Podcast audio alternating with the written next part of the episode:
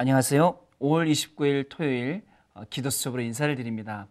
전도자의 일주일 그리고 우리 Remnant의 일주일이라는 시간은 어, 무척이나 짧은 것 같습니다.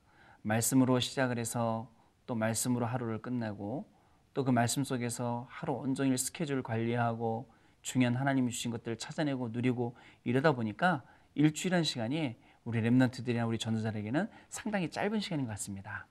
어, 오늘 우리 기도첩을 통해서 오늘 하루 또 중요한 응답들을 정리해보고 또 내일 주일은 많은 사람들하고 이 응답을 나누고 또 강단 말씀을 통해서 새로운 기도 제목을 찾게 되는 어, 그런 귀한 시간이 될 줄로 믿습니다.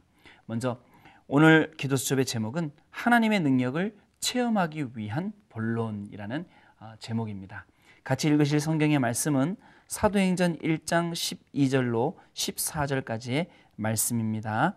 같이 읽겠습니다. 제자들이 감남원이라는 산으로부터 예루살렘에 돌아오니 이 산은 예루살렘에서 가까워 안식일에 가기 알맞은 길이라 길이라 들어가 그들이 유하는 다락방으로 올라가니 베드로 요한 야고보 안드레와 빌립 도마와 바돌롬의 마테와 및 알페오의 아들 야고보 셀로닌 시몬 야고보의 아들 유다가 다 거기 있어 여자들과 예수의 어머니 마리아와 예수의 아우들과 더불어 마음을 같이하여 오로지 기도에 힘쓰더라. 아멘. 지금도 어, 사탄은 조직을 이루어서 개인과 교회와 나라를 무너뜨리려고 하고 있습니다. 이 영적 사실을 모르면 당할 수밖에 없는데요. 초대교회는 이 영적인 사실을 알고 그리스도의 언약을 딱 굳게 붙잡았습니다. 그리고 성령 충만의 역사를 알았기 때문에 늘 감사하고 흔들리지 않고 세계복음화의 증인으로 선 것을 우리가 볼 수가 있습니다.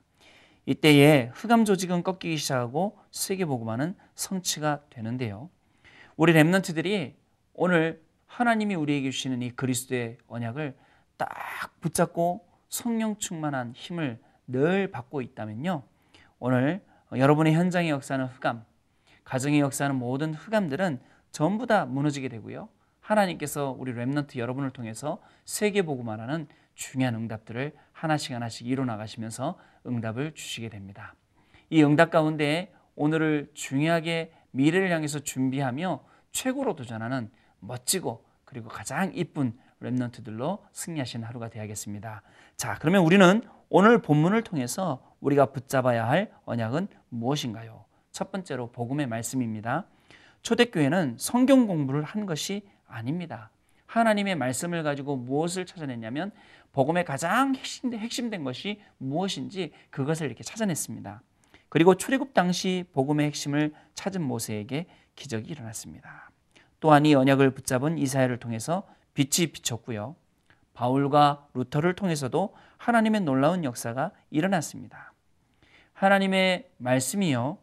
잘 박힌 못처럼 마음에 정확하게 박혀야 합니다. 그래야 이스라엘의 모든 영광이 그 못 위에 걸리게 된다라고 말씀을 주고 있습니다. 사탄은 어떻게 하죠? 다른 못을 박으려고 하지만 마음 깊이 말씀의 목을 못을 박으면 흑암 세력은 무너지고 모든 응답이 그 위에 걸리게 되는 것입니다. 그렇습니다. 정말 이 말씀이 우리 랩런트들에게 중요한 오늘의 말씀이 되면 그리고 랩런트의 마음 중심에 그 말씀이 딱 박히게 되면 그 말씀 때문에 모든 흑암도 무너지고 그리고 세계 복음을 향한 많은 문들이 열리게 되는 것입니다.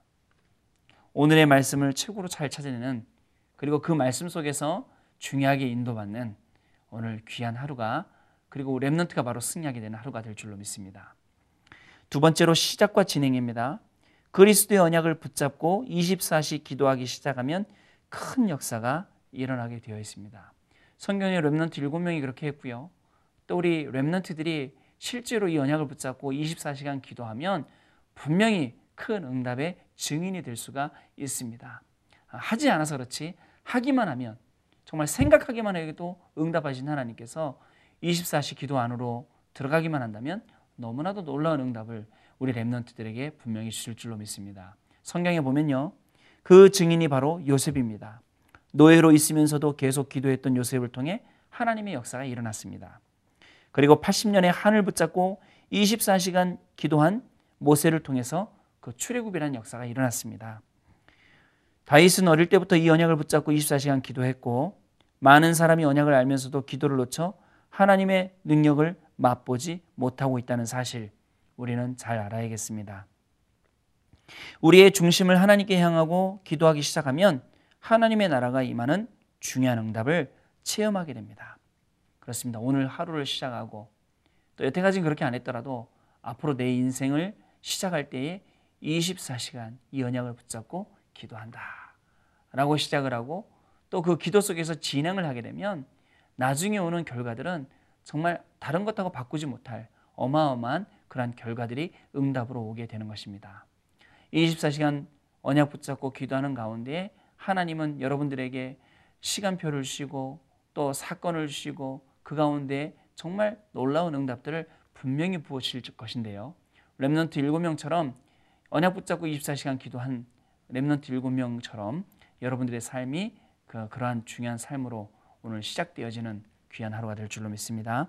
세 번째로 Oneness입니다. 사탄의 뜻은 이간자라는 뜻입니다. 그리고 본질을 무너뜨리려고 하는 존재입니다. 하지만 복음 안에서 24시간 기도하고 복음을 가진 사람들이 함께 원네스가 되면 흑암 조직이 꺾이고 역사가 일어납니다. 사단은 가는 곳마다 우리가 원네스 되는 것을 방해하고 분리시키려고 하고 있습니다.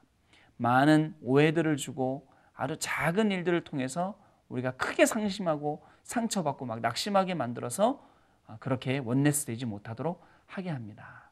그러나 그렇지 않습니다. 조금만 생각해 보면 그 배후에 사탄이 그런다는 것을 우리가 조금만 알기 시작하고 기도한다면 우리는 모든 것을 양보할 수도 있고 모든 오해되었던 것들을 이해할 수도 있고 모든 상처되었던 것들도 용서할 수가 있게 됩니다. 우리 전체가 전체 우리 렘넌트들이 그리고 우리 전도자들이 우리 많은 중직자들이 원네스 될 때 정말 하나님이 주시는 그 응답들 한번 그려보시길 바랍니다.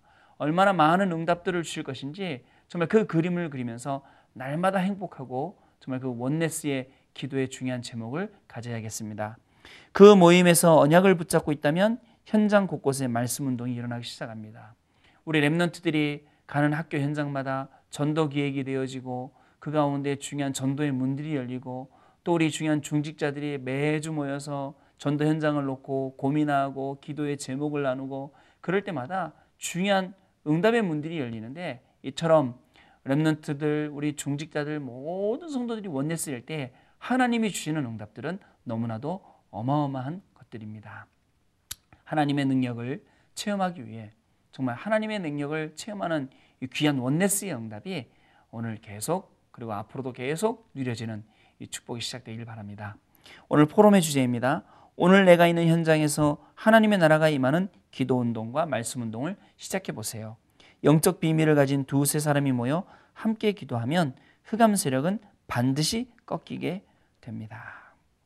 오늘 이 중요한 응답을 가지고 하루를 승리하고 또 한 주간을 잘 마무리하고 또 내일 하나님이 주실 말씀, 하나님이 주실 응답들 기대하면서 새롭게 시작하는 귀한 하루가 될 줄로 믿습니다. 기도하겠습니다. 하나님께 감사를 드립니다. 하나님의 능력을 체험할 수 있는 귀한 복음의 말씀을 주시고 또 그리스도의 언약을 주셔서 이 언약을 붙잡고 24시간 기도하며 이 귀한 하나님의 능력을 체험하게 하시니 감사를 드립니다.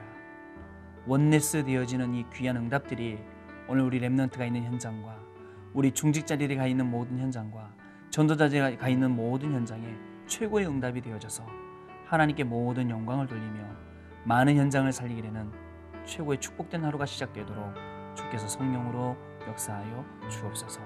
우리 주 예수 그리스도 이름으로 기도드립니다. 아멘.